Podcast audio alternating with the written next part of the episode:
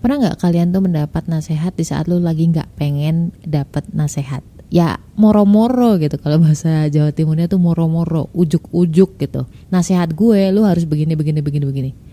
Ada yang bilang bahwa orang nggak bisa dikasih nasihat kalau hatinya batu.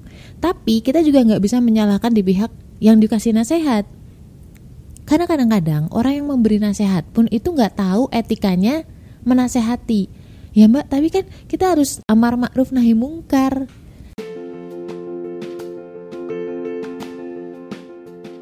Assalamualaikum warahmatullahi wabarakatuh. Kenalin aku Ria Marliana Teman healing kamu di podcast Self Healing Yang akan ngobrol tentang banyak hal Berdamai dengan luka Melalui psikologi Islam, Quran dan juga hadis.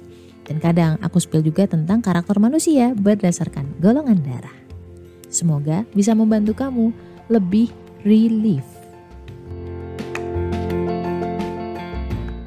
Iya betul, tapi mari kita cek terlebih dahulu bagaimana sih dulu Rasulullah Shallallahu Alaihi Wasallam ketika memberi nasihat. Kalau kita nggak memahami soal ini, kita langsung main ngasih nasihat, itu lama-lama orang enek loh. Kebayang nggak sih kalau misalkan Rasulullah Shallallahu Alaihi Wasallam memiliki watak yang membuat orang lain enek, mungkin Islam nggak akan bertahan sampai sekarang karena nggak ada orang yang secinta itu sama Rasul.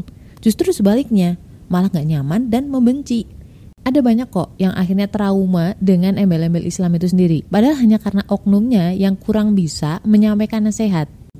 Ketika Rasulullah Shallallahu Alaihi Wasallam tuh sedang duduk bareng sama sahabatnya, itu ada seorang pemuda nih datang menemui beliau. Wahai Rasulullah, izinkan aku berzina. Ngucapnya belak-belakan gitu loh, tanpa tedeng aling-aling, tanpa malu-malu gitu kan. Para sahabat tuh marah tuh mendengar perkataan yang gak sopan dari pemuda tadi. Bahkan beberapa sahabat itu udah siap-siap berdiri tuh mau memberi pelajaran kepada pemuda itu. Kamu tahu apa yang dilakukan oleh Rasulullah Shallallahu Alaihi Wasallam? Rasulullah menyadari nih para sahabatnya marah, itu segera menenangkan para sahabat. Lalu si Rasulullah Shallallahu Alaihi Wasallam memanggil si pemuda itu untuk duduk di dekatnya. Lalu beliau bertanya, relakah kamu bila seseorang berzina dengan ibumu? Tanya Rasulullah kepada si pemuda. Dengan tegas, si pemuda menjawab, tentu tidak. Orang-orang lain pun tidak rela bila ibunya disinahi. Ucap Rasulullah Shallallahu Alaihi Wasallam. Lalu Rasulullah tuh nanya lagi, relakah kamu bila seseorang berzina dengan putrimu? Tentu tidak, ucap si pemuda kedua kalinya. Orang lain pun tidak rela bila putrinya disinahi. Lalu Rasulullah bertanya kembali, Relakah kamu bila seseorang berzina dengan saudari perempuanmu? Tentu tidak, ucap si pemuda lantang ketiga kalinya. Orang-orang lain pun tidak rela bila saudari perempuannya disinahi, ucap Rasulullah Shallallahu Alaihi Wasallam.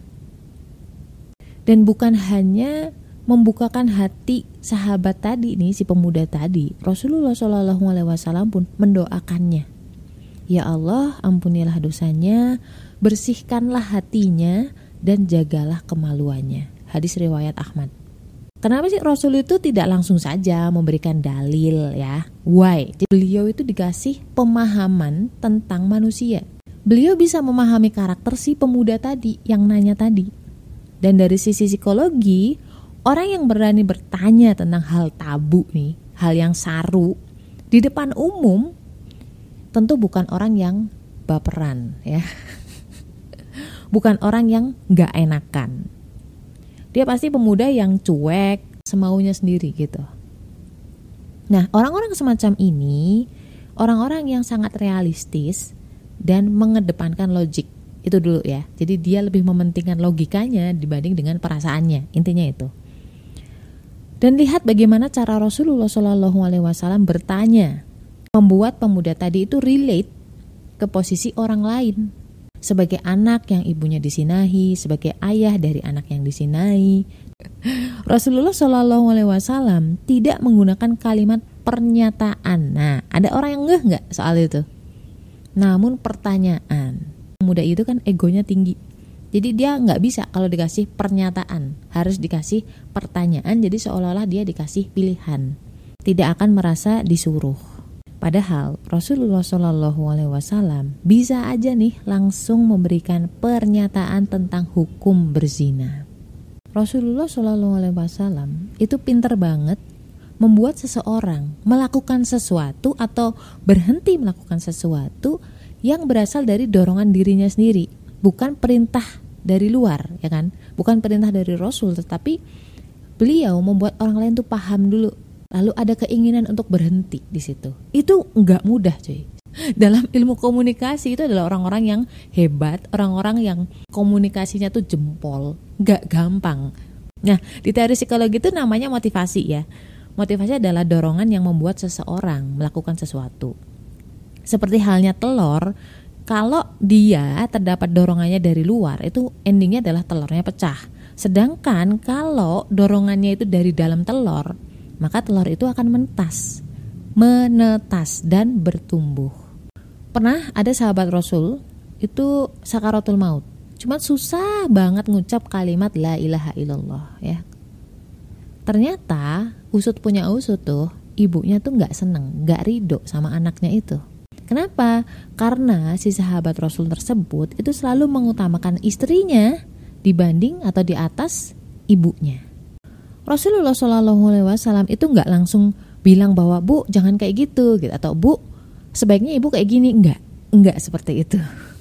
Tahu nggak caranya beliau membukakan atau memahamkan si ibu tadi? Beliau bilang kalau begitu biar saya bakar dia. Dia itu maksudnya sahabat Rasul yang tadi sakaratul maut. Si ibu tadi otomatis kaget dong. Dia juga nggak mau kalau anaknya itu dibakar